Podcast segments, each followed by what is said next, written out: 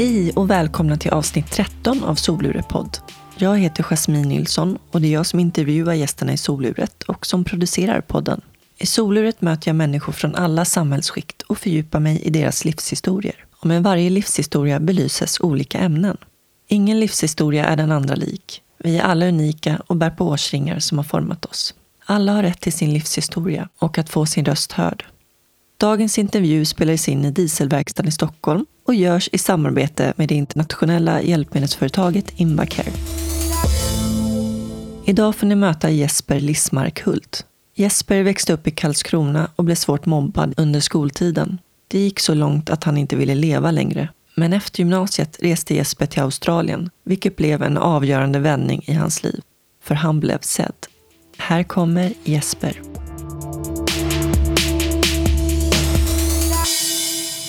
Hej Jesper och välkommen till Soluret. Hej. Hur är läget med dig? Jo, det är bra. Du verkar vara på gott humör. Mm. Du är ju verkligen en mångsysslare kan man väl säga. Du är äventyrare, du är eh, utbildad hälsocoach, du är mindfulnessinstruktör, hypnoscoach var det också va? Ja, precis. Massa spännande saker som jag tycker att vi ska prata om. Yes. Ehm, första gången som jag kom i kontakt med dig, det var ju det här inlägget som du skrev om att du hade blivit mobbad under hela din skoltid. Och det var ju ett inlägg som delades av tusentals människor. Och det verkligen berörde mig. Det var väl också för att belysa just det här med mobbing. Jag hade cyklat enhjuling genom hela Europa. Det är ju helt galet. Du cyklade 7000 kilometer var det va? Precis. Genom nio länder på sex månader.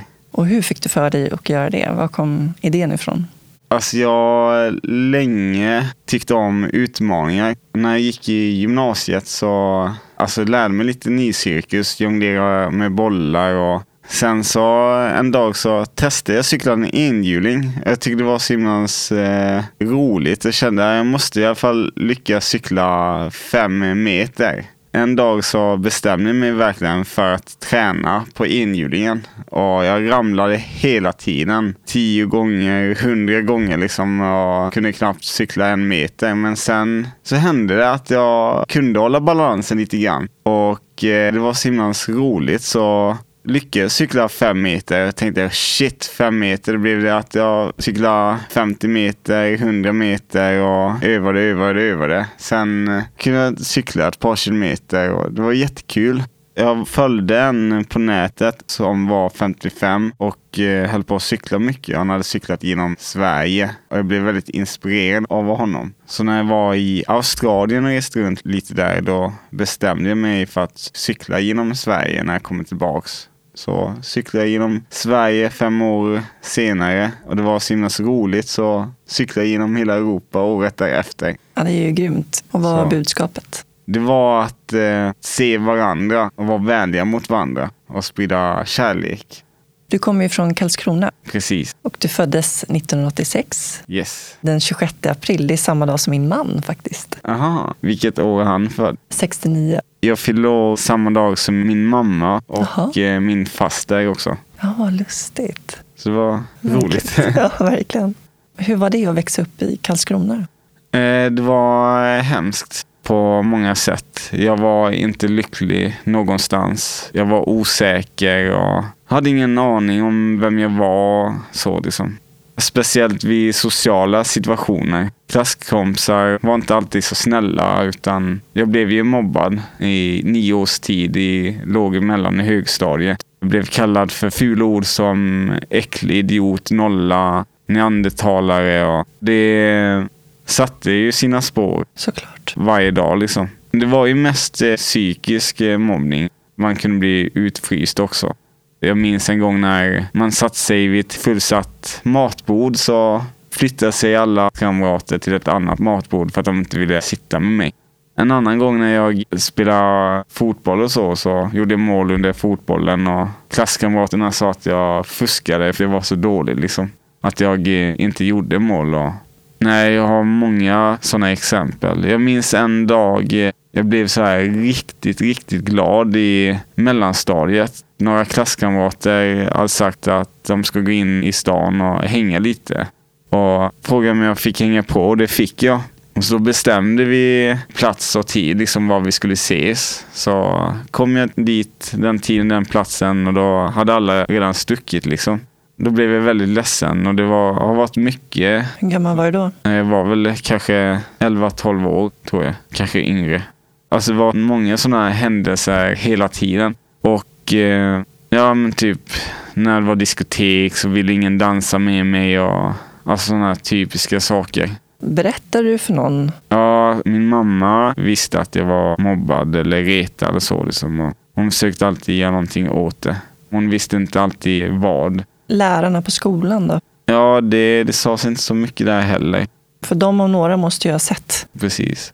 Jag minns en gång när jag besöker rektorn på min högstadieskola. För föreläser om eh, mobbning och så. Och då berättade jag min situation och då skrattade han och eh, sa att du var inte mobbad. Och det var... Gud vad förnedrande. Ja, så jag blev eh, väldigt, väldigt besviken, väldigt arg. Sårad kan jag tänka mig. Har du syskon? Ja, jag har en storbror. Hur många år äldre är han? Fyra år äldre. Okay. Var han en eh, förebild för dig? Um, jag minns att han var beskyddande. Sen så har vi ju våra föräldrar är skilda, så jag har ju bott hos min mamma och min eh, bror har bott hos, sin, eller hos vår pappa. Då, liksom. Så då, han har ju inte varit med helt och hållet eh, sådär, under, under vardagarna. Liksom. Vi har bara setts på helgerna mest. Hur gammal var du när dina föräldrar skilde sig? Fyra år tror jag. Vad hade du för intressen och vad tyckte du om att göra som barn? Alltså, jag spelade mycket dataspel och det var väldigt roligt. Men jag kände att jag behövde ha den där sociala kontakten. Så då fastnade jag väldigt mycket vid chatter och chattade mycket med allt och alla. Det har ju dragits med än idag att jag tycker om att sitta vid Facebook och chatta med folk. Och, och ibland kan det hända att det blir lite för mycket och att jag borde göra annat, vettiga saker. Liksom. Men det är ditt verktyg för att kommunicera helt enkelt? Ja, precis. Men mest med folk som bor någon annanstans. Och nu är ju livet helt annorlunda jämfört med hur det var för 11-12 år sedan. Nu har jag ju vänner över hela Sverige. Alltså jag har så många nära vänner. Det är så mycket kärlek jag får varje dag. Mycket kramar och det är så mycket skratt och det är helt otroligt. Och vart jag än drar, i vilken stad jag än är, så har jag vänner. När jag började gymnasiet så upphörde mobbningen i princip och började en ny klass med nya klasskamrater. Och dessa var inte elaka någonstans. Men eh, de hade ingen lust att lära känna mig, vilket var väldigt jobbigt. Men då hamnade du i något slags utanförskap då? Ja, precis. Och det var ju inte medvetet från deras sida, liksom, utan det bara blev så. Sen eh, så var det ju ett par gånger man verkligen, verkligen försökte lära känna folk och få någon att umgås med på fritiden. Och jag misslyckades alltid liksom. Men jag tänker, du, du säger att du misslyckades alltid. Vad var det du gjorde som var misslyckat så att säga? Alltså, då upplevde jag att det var ett misslyckande. Alltså jag frågade bara om de ville umgås och ville de inte det, då såg jag det som ett misslyckande helt enkelt. Jag har ju alltid haft kompisar, men väldigt få. Men i gymnasiet så var det en period där jag inte hade några kompisar. Och det ledde till att jag fick självmordstankar och verkligen ville ta livet av mig. När jag gick ut på balkongen så tänkte jag hoppa Jesper, de flesta skulle inte bry sig. Och när jag gick in i köket så tänkte jag sätt en kniv i hjärtat så är det över. Men det var bara det jag ville bara slippa den här äh, känslan av äh, var deprimerad och ledsen hela tiden. Och det var mycket därför jag hade de här tankarna. Ja, för du hade ju blivit liksom nedbruten hela din uppväxt. Mm, precis. Till slut så, så orkar man väl inte mer helt enkelt. Mm. Det kan jag förstå. Det är hemskt. Men du stod där på balkongen och tänkte att nu ska vi ta slut på det här. Mm. Vad hände då sen? Alltså jag gjorde ju ingenting. Nej. Utan tänkte väldigt mycket på min familj. Och jag skar mig inte heller liksom. Och jag eh, kommer inte ihåg vad jag tänkte. Jag kände att det, det kommer lösa sig förr eller senare.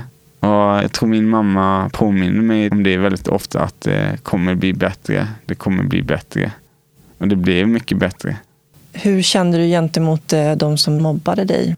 Jag känner inget särskilt. Jag bara önskar att de eh, mår bra idag. Att de är lyckliga. Trots att de förstörde en stor del av min uppväxt eller skoltid så ja, att vara sur på dem skadar ju bara mig själv liksom. Så eh, jag får helt enkelt förlåta dem oavsett om de har sagt förlåt eller inte. Och det är en av dem som har sagt förlåt. Sen så är det väl några av dem som inte direkt såg mig som mobbad eller Ja, det verkar vanligt bland mobbare att det saknar någon slags självinsikt och inte förstår vad de har gjort. De har inte samma verklighet helt enkelt. Nej, precis. Nej, men de föreställer sig inte in i den andra situationen Nej, känner jag. Man saknar någon slags eh, ja, empatiförmåga. Känns Nej, de som. kanske har empatiförmåga men jag tror bara att de inte riktigt gick in i hur jag kände liksom. Och nu när de är äldre så har de kanske den här empatiförmågan eller har mycket lättare att föreställa sig hur det känns, tror jag. Jag tänker på um, de andra runt omkring som inte mobbade dig, som Mm. bara tittade på. Liksom. Hur tänker du kring dem? Alltså jag tänker att alltså just det här att se varandra, att eh, det är väldigt eh, viktigt att prata om i skolan. Liksom. Hur är man en snäll kompis? Hur ser man varandra? Att man pratar om detta nästan dagligen. Att man pratar om inkludering och gemenskap och att man liksom uppmuntrar barnen att stötta varandra och vara snälla. Att göra goda gärningar för va- varandra och sen att man pratar om varför man gör dessa goda gärningar och varför man ska vara snäll och så. För nu är du ute och föreläser mycket Mm. landet runt. Och då är just det här med mobbningen bara en liten, liten del av det jag föreläser om. Men eh, många blir ju verkligen tagna och jag får väldigt många kramar efteråt. Och dessa föreläsningar handlar väldigt mycket om hur man stärker sitt självförtroende och eh, ja, men liksom hur man sprider glädje och ser varandra. Jag tänker på det här med, med psykisk ohälsa. Innan då när du gick in i väggen och fick dina utmattningssyndrom, fick du någon eh, psykologisk hjälp eller gick till en terapeut? Eller? Nej, inte alls. Alltså jag tänkte inte på det. Alltså jag, det var väl först då för två år sedan jag kände att det här är allvarligt. Liksom. För innan det så har det kommit upp bara lite grann och så. Då har jag ändå kunnat jobba och göra saker. Liksom. Men, men för två år sedan då kunde jag verkligen inte alls jobba. Jag mådde så dåligt. Så det var först då jag kände att nu får jag ta mig i kragen och göra någonting åt det här. Och jag kan också berätta att eh, när jag flyttade till Stockholm så anmälde jag mig för en ADHD-utredning. Jag fick ju vänta ett par månader tills utredningen började. Och det visade sig att jag hade ADD, eller jag fick ADD. Det är som ADHD fast eh, utan hyperaktivitet. Och eh, ADD är mycket svårare att eh, se Eftersom eh, ADD, alltså man kan vara som andra barn eller att man är kanske tyst och istället för att man springer runt. Och jag var väldigt tyst och... Man sluter sig liksom. Ja, det var mycket att jag tappade koncentrationen och var väldigt långsam. Så det har visat sig att jag har ADD. Att jag var passiv och mycket sånt. Sen så är ju alla unika på sina sätt. Så alla med ADD, de var inte tysta. Tror du att det har påverkat din eh, skolgång också? Ja, det har påverkat allt faktiskt. Jag fick hjälp, fast inte för att jag hade ADD, utan det var andra saker jag behövde ha hjälp med. Alltså som eh, läxhjälp och nej men, eh, att försöka hitta sätt att få upp min koncentration. Kan det ha påverkat din sociala förmåga också? Att få kontakt med människor? Ja, det har påverkat också. Ja, jag hade ju två slags problem. Ena problemet var ju ADD som visade sig efter, ja nu när jag var 31 år. Eller 30 år var det nog. Ja. Men sen så var det ju, jag hade ju talfel. Mitt språk utvecklade sig mycket senare än alla andra. På vilket sätt eh, yttrar det sig i tafelet? Nej, att jag eh, pratade mycket senare än alla andra helt Okej. enkelt. Att jag pratar långsamt och jag rör mig långsamt till att jag är definitionen på långsam. Eh, långsam behöver inte betyda att det är något dåligt heller. Så. Nej, absolut inte. Efter gymnasiet då? Hur tog du dig vidare i livet därifrån? Ja, livet eh, vände totalt. Det jag lärde mig första året efteråt var så mycket mer värt än alla år under min, hela min skoltid. Så jag har inget direkt, ingen direkt förtroende för skolsystemet och dess upplägg. Och det känner jag fortfarande idag, tio år senare. Det som hände var att eh, alltså mina föräldrar har ju alltid stöttat mig och sagt att tro på dig och allting är möjligt och det vänder. Och, och jag började tro på mina egna drömmar. Jag började träna upp min mentala styrka och jag drog till Australien för att resa runt och backpacka lite. Och... Själv? Ja, precis. Och då var det då folk som sa att du Jesper, du kommer åka hem eller du kommer inte dra ner till Australien. Liksom. Många såg mig som den tysta, blyga killen som vågade inte göra någonting. Men jag ville verkligen göra detta så då gjorde jag det. Och det var en av mina livs bästa resor. Vad gjorde du där i Australien? Jag reste runt och backpackade. Jag fick vänner, jag kände mig behövd och jag utvecklas väldigt mycket i det här resandet, i mötandet med nya människor från olika länder och nya kulturer. Och att åka till Australien är någonting jag rekommenderar alla att göra. Jag håller helt med dig. Jag gjorde precis samma sak efter gymnasiet. Ja. Det ger en otroligt mycket. Man växer ju som människa framför allt. Och jag önskar liksom att alla gjorde det. Att alla öppnade upp för främmande länder, främmande kulturer. Liksom. För i mötet med en människa kan man få så mycket inspiration och glädje som man kan ta med sig resten av hela livet. Och när jag eh, till exempel när jag cyklade genom hela Europa så gjorde jag detta tillsammans med en eh, främling från första början. Vi hade bara träffats fyra gånger. Jag mejlade henne och hon sa att hon ville cykla med. Elin heter hon, är en fantastisk eh, människa. Det gav mig så mycket. Och eh, under resans gång så bodde vi hos främmande människor hela tiden. Så det här med just att man är rädd för främlingar, det förstår jag inte längre. Jag upplever just det här i Sverige, om man skulle gå fram och prata med en person mitt på gatan, skulle han eller hon bli lite förskräckt och tänka varför pratar han eller hon med mig liksom? Jag kan förstå det delvis. Det kan ju hända mig ibland liksom. Men eh, jag försöker alltid vara öppen för mötet och det ger mig oftast någonting liksom. Upplever du att eh, du oftast får positivt bemötande när du gör det? Nej, det är blandat faktiskt. Vissa vill inte prata, det får man acceptera. Jag kan vara likadan ibland. Det beror på Eh, vilket humör man är på. Ja, precis. Vissa vill verkligen prata och bli jätteglada liksom. Och, Jag kan säga att jag är uppvuxen med en mamma som skulle snacka med allt och alla var vi än var. Det tyckte jag var jättepinsamt när jag var liten. Mm. Och nu när man börjar bli lite äldre, då börjar jag bli precis som henne. Men finns det något speciellt möte som har påverkat dig extra starkt? Det är många möten. Ja, jag kan nämna två möten. Nej, tre. Ja, det är många möten. ett möte, då hade jag ett litet mission att jag skulle fråga främlingar om deras favoritlåt. Så då var jag eh, på tunnelbanan, satte mig på vagnen och eh, började prata med någon. Sen så började han leta i mobilen och gav mig ett eh, tips. Och sen så började vi prata och det visade sig att han, jag tror han var 27 och hade lämnat Eritrea för sju år sedan och han hade inte träffat sin familj på så länge liksom. Men han har kontakt med dem dagligen och att han fick skänka pengar till dem liksom. Och hjälpa dem med mat och så. Ja.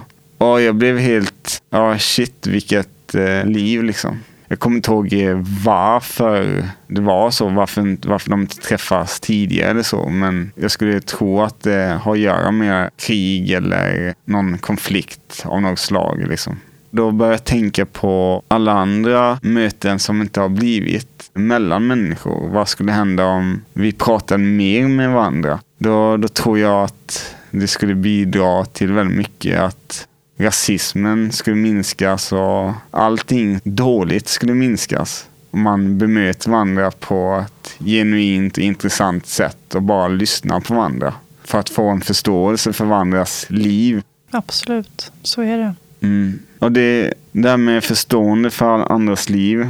Jag börjar liksom märka i mig själv, framförallt på Facebook när folk kallar varandra för förnedrande saker. Till exempel var något klipp eh, där två, tre tjuvar som tar en cykel från ett villaområde. Det var en efterlysning då. Liksom. Och då ser man bland eh, kommentarerna ja, massa ord, alltså förnedrande saker. Att de var idioter och pack Ja, det var mycket svordomar och så. Sen är det så att man hetsar varandra liksom Ja, också. Med i- hat. Ja, precis. Och i det kände jag empati för tjuvarna. För jag får en känsla av att om de mådde bra så tror inte jag att dessa tjuvar hade tagit någonting. Liksom. Om de hade fått en bra uppväxt eller tror jag inte heller att tjuvarna hade tagit någonting. Jag tror ändå att det är någonting som fattas liksom. Och det är det jag tycker synd om liksom. Och jag tror hellre att man eh, diskuterar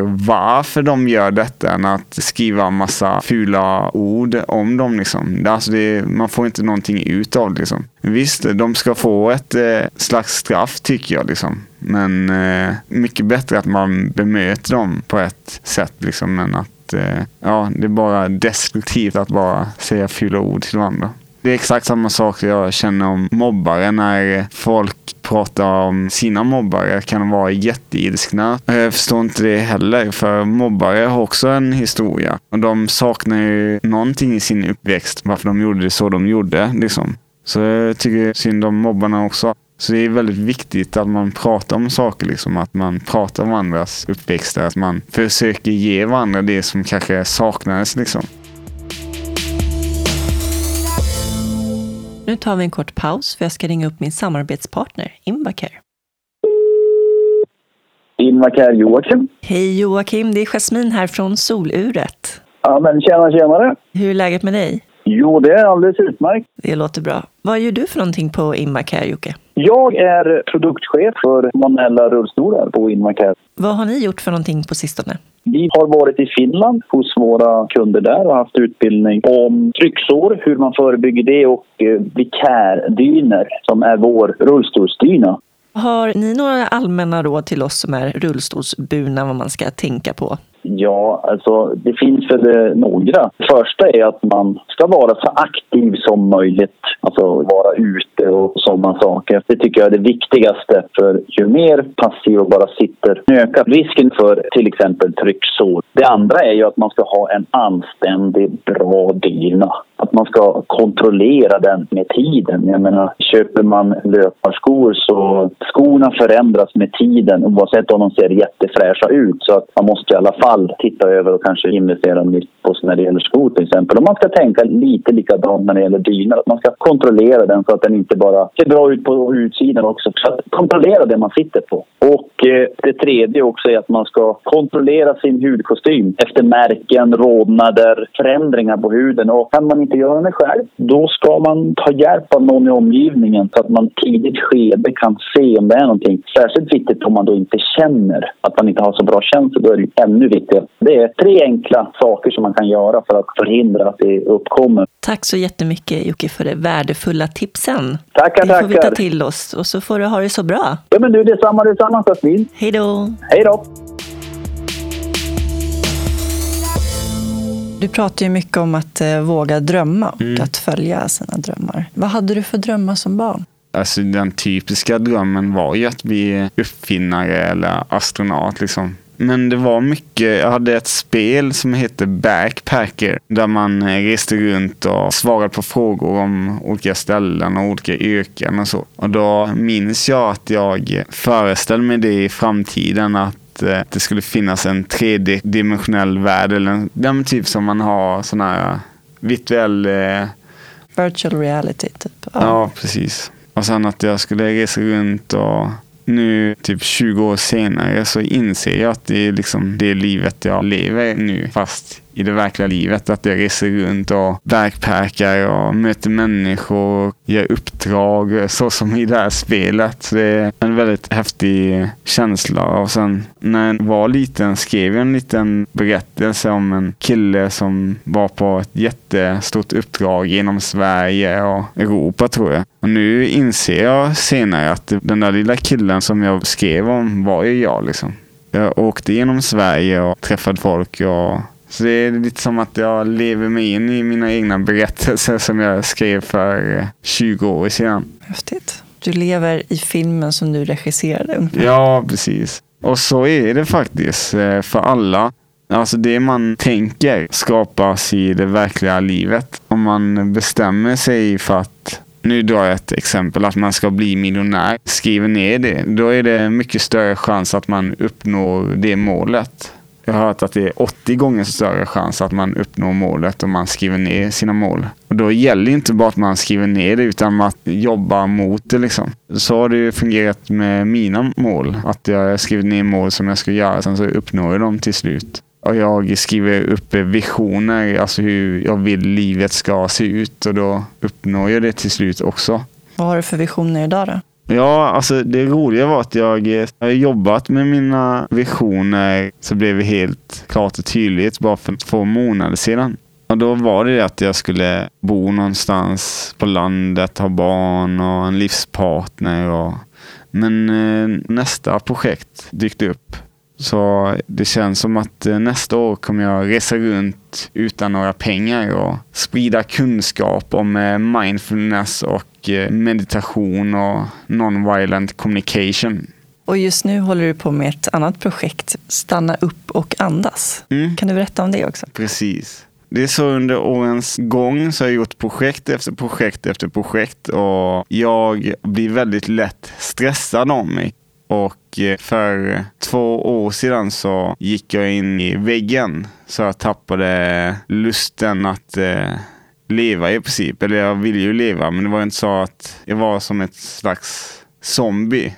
Jag hade ont i magen och kollade i taket liksom. Det var inte kul att träffa kompisar, det var inte kul att träffa familjen. Ingenting var roligt. Jag bara låg i sängen och inte gjorde no någonting då kände jag då liksom att nej, jag måste lära mig det här vad mindfulness är, liksom vad meditation är. För jag läste mycket om det det sägs att det är bra liksom. Jag vilade mig från den här eh, utmattningen så blev jag bättre och sen så gjorde jag nästa projekt, cykla genom Sverige på tvåhjuling. Och då hade jag inte lärt mig eh, meditation alls och sen gick jag in i väggen igen. Men sen andra gången, då bestämde jag mig för att eh, lära mig mindfulness. Så anmälde mig till en eh, kurs och tränade mig 20 minuter varje dag. Var närvarande och eh, det gav mig väldigt mycket faktiskt. Alltså jag fick liksom livet tillbaka kan man säga. Och jag har fått väldigt mycket insikter jag känner shit, det här måste ju alla lära sig.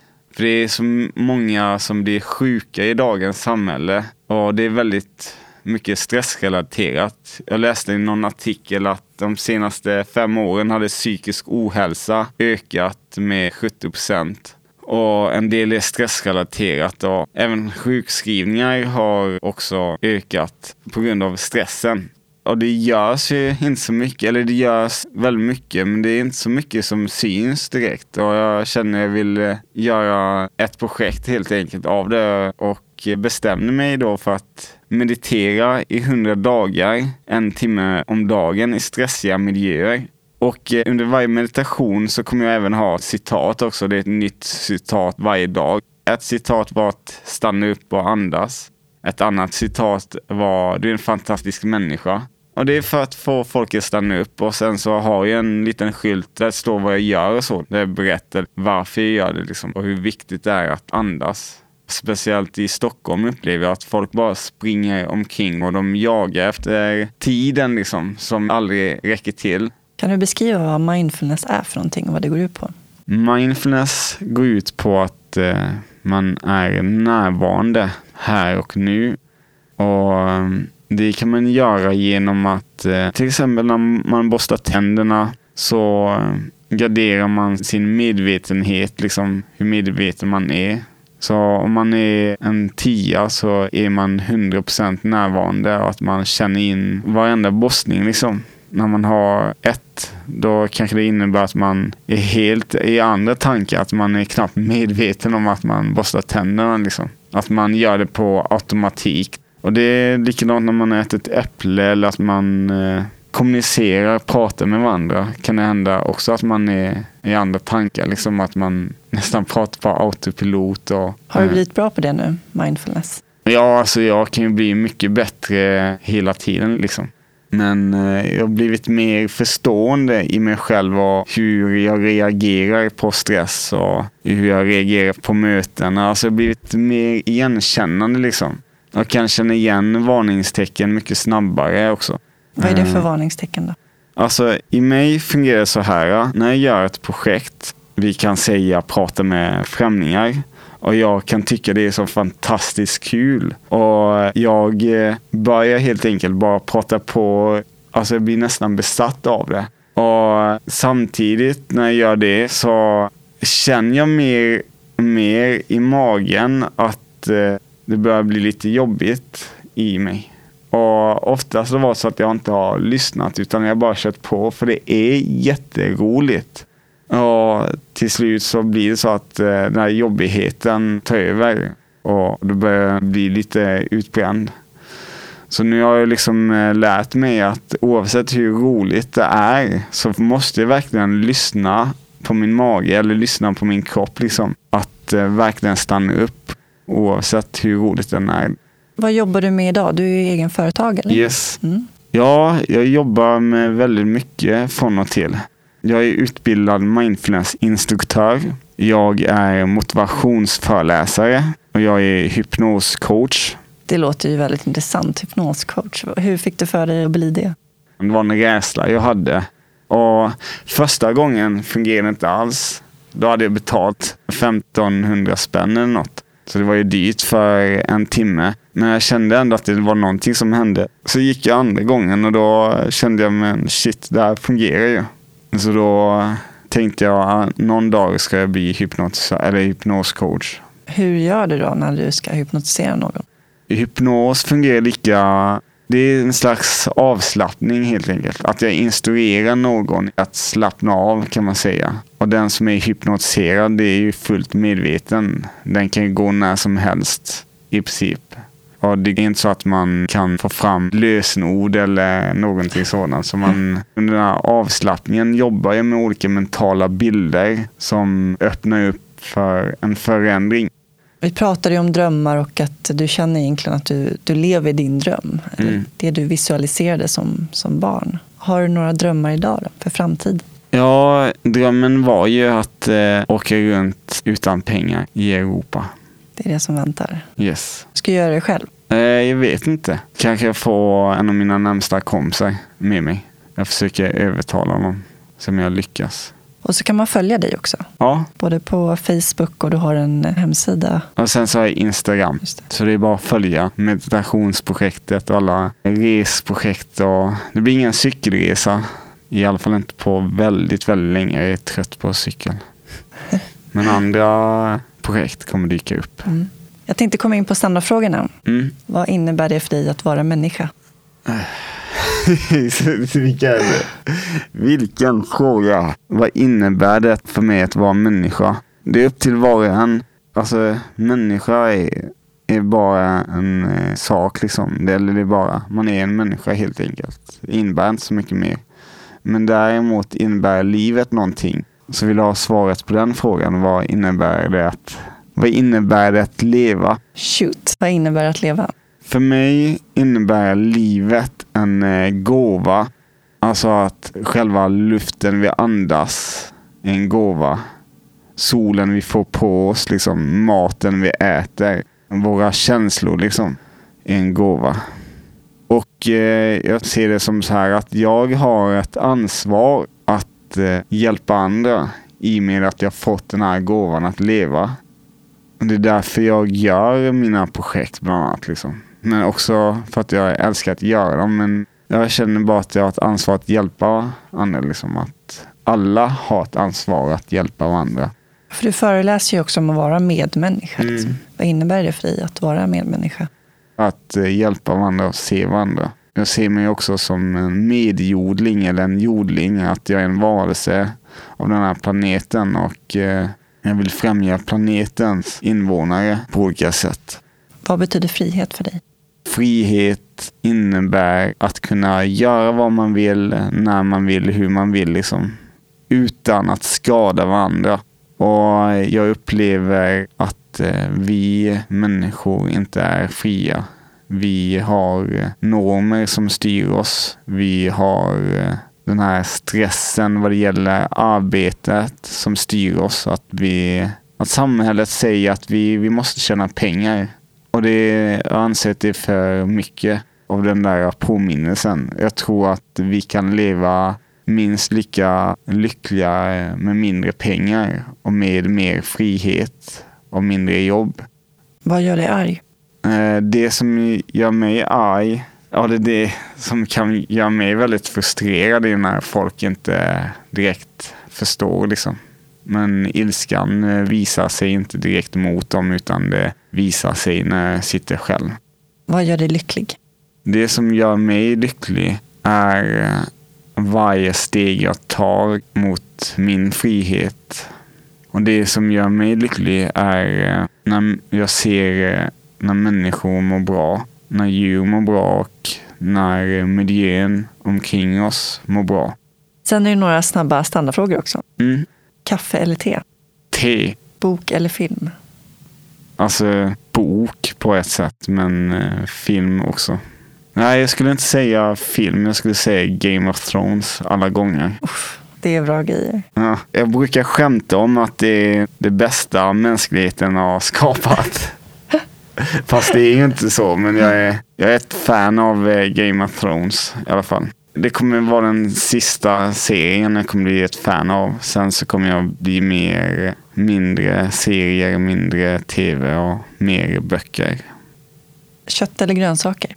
Grönsaker. Jag är vegan och jag... Eh, ja, det är så mycket man kan säga om just den biten. Så jag Hur länge har du varit det? Jag har varit eh, vegan i tre år och eh, jag har varit i princip vegetarian hela livet. Det har jag också. Nice. Se eller höra? Eh, både och. Heavy metal eller jazz? Eh, inget av det. eh, ljus eller mörker? Ljus. Fort eller långsamt? Långsamt. Lyssna eller prata? Lyssna. Anledningen jag säger lyssna är det är det som är det viktigaste, anser jag. Men jag älskar ju att prata liksom. Tack så jättemycket Jesper för att du delade med dig av ditt liv. Tack. Jag har en hälsning till er lyssnare där ute på podcasten. Jag vill bara påminna er att eh, vad den som händer i era liv, vilka motgångar ni stöter på, vilka hinder ni stöter på, vilka känslor ni upplever under livets gång, så kom ihåg att vara här och nu och att det kommer bara bli bättre och bättre. Liksom. Och att eh, ta in era motgångar och ta lärdom av det. Så det var bara en påminnelse. Kom ihåg också att ni är fantastiska människor. Så titta er i spegeln och säg det. Ha det gött!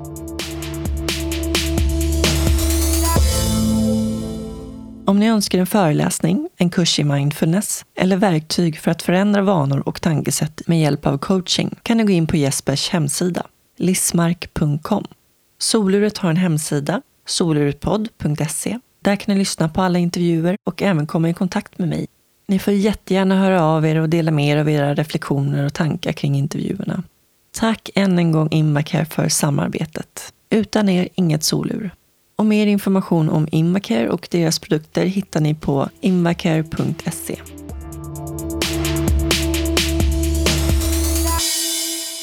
I nästa avsnitt får ni möta Pia Henninen. Pia växte upp i en dysfunktionell familj med missbruk, misshandel och övergrepp.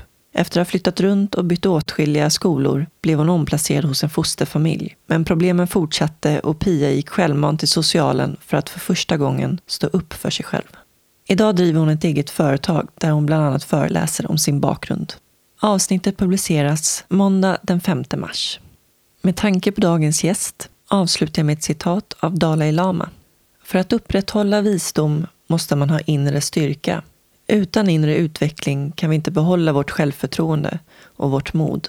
Det omöjliga kan bli möjligt med hjälp av viljestyrka. Tack så mycket för att ni lyssnade och vi hörs igen om två veckor. Hej då!